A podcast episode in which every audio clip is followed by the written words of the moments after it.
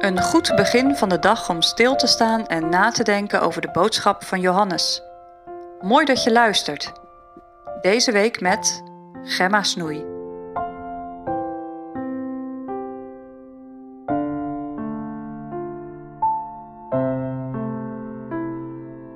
Teken van de engelen.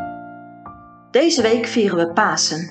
We behandelen Johannes 20, waarin de discipel Johannes door middel van verschillende tekenen de opstanding van Jezus bewijst. Vandaag denken we na over het teken van de overwinning, uitgebeeld door de engelen. Je vindt het Bijbelgedeelte in Johannes 20, vers 11 tot en met 13.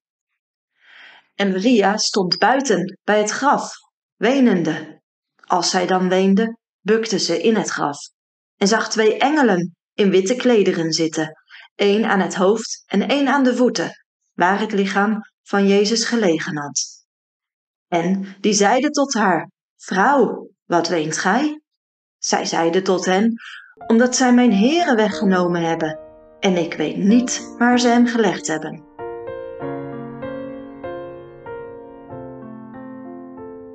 De dagtekst gaat over Maria Magdalena. Zij is een van de meest trouwe vrouwelijke volgelingen van Jezus. Op een buitengewone manier leerde zij Jezus kennen. Door zijn redding is haar leven radicaal veranderd. Haar levensverhaal staat met slechts één zin in de Bijbel, in Lucas 8. Daar staat: Jezus predikte het evangelie en de twaalf discipelen waren bij hem en sommige vrouwen die van boze geesten en krankheden genezen waren, namelijk Maria Magdalena, van welke zeven duivelen uitgegaan waren. Wat een lijden onderging deze Maria voordat ze Jezus kende. Niet alleen geestelijk was ze onder de macht van de duivel, maar ook lichamelijk had Satan bezit van haar genomen, doordat er zeven duivelen in haar woonden.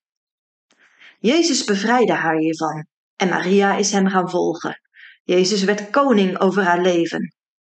Met nog andere vrouwen zorgde Maria Magdalena voor Jezus en de discipelen, door hun giften en door hun goede zorgen.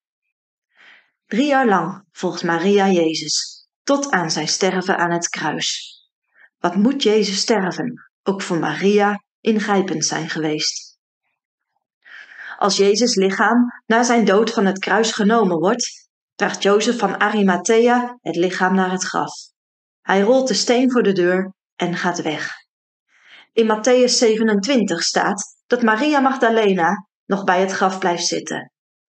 Ze kon daar niet lang blijven. Het werd al snel stap, sabbat, stille zaterdag. Wat Maria Magdalena die dag doet, staat niet in de Bijbel. Maar zodra de sabbat voorbij is en het eerste morgenlicht van de nieuwe dag doorbreekt, gaat ze weer terug naar het graf. Wat een enorme schok krijgt ze als ze bij het graf aankomt. De steen is weggerold, het graf is leeg. In al haar verdriet kan Maria maar één ding bedenken. Jezus is gestolen. Nu is er zelfs geen graf met een dode Jezus meer, waar ze kan rouwen en zitten. Ze keert zich om, haast zich naar het huis van de discipelen en ze vertelt wat ze denkt. Ze hebben de Heere weggenomen uit het graf en wij weten niet waar ze hem gelegd hebben. Maria Magdalena loopt weer terug naar het graf. Ze bukt zich en gaat het graf in. Daar ziet ze twee engelen zitten, die haar aanspreken. Vrouw, wat weent gij? Maria geeft antwoord. Omdat ze mijn heren weggenomen hebben en ik weet niet waar ze hem gelegd hebben.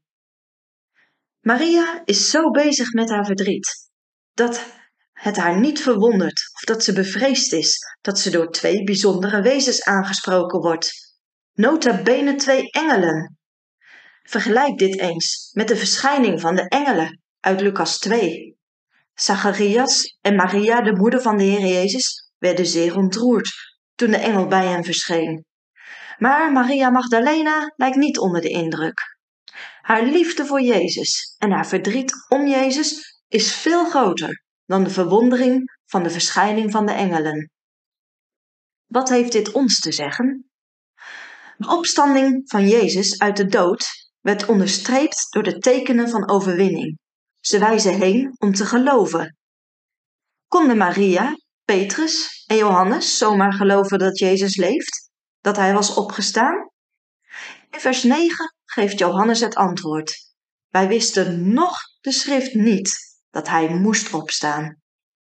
In de Bijbelverklaring van Matthew Henry staat dat dit de reden van traagheid om te geloven was, omdat ze de schrift niet begrepen, omdat zij tot dat moment niet begrepen dat Jezus moest sterven om hen te verlossen.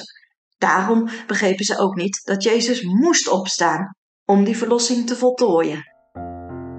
In de podcast van morgen denken we na over Maria, hoe ze gaat geloven in de opgestane levensvorst.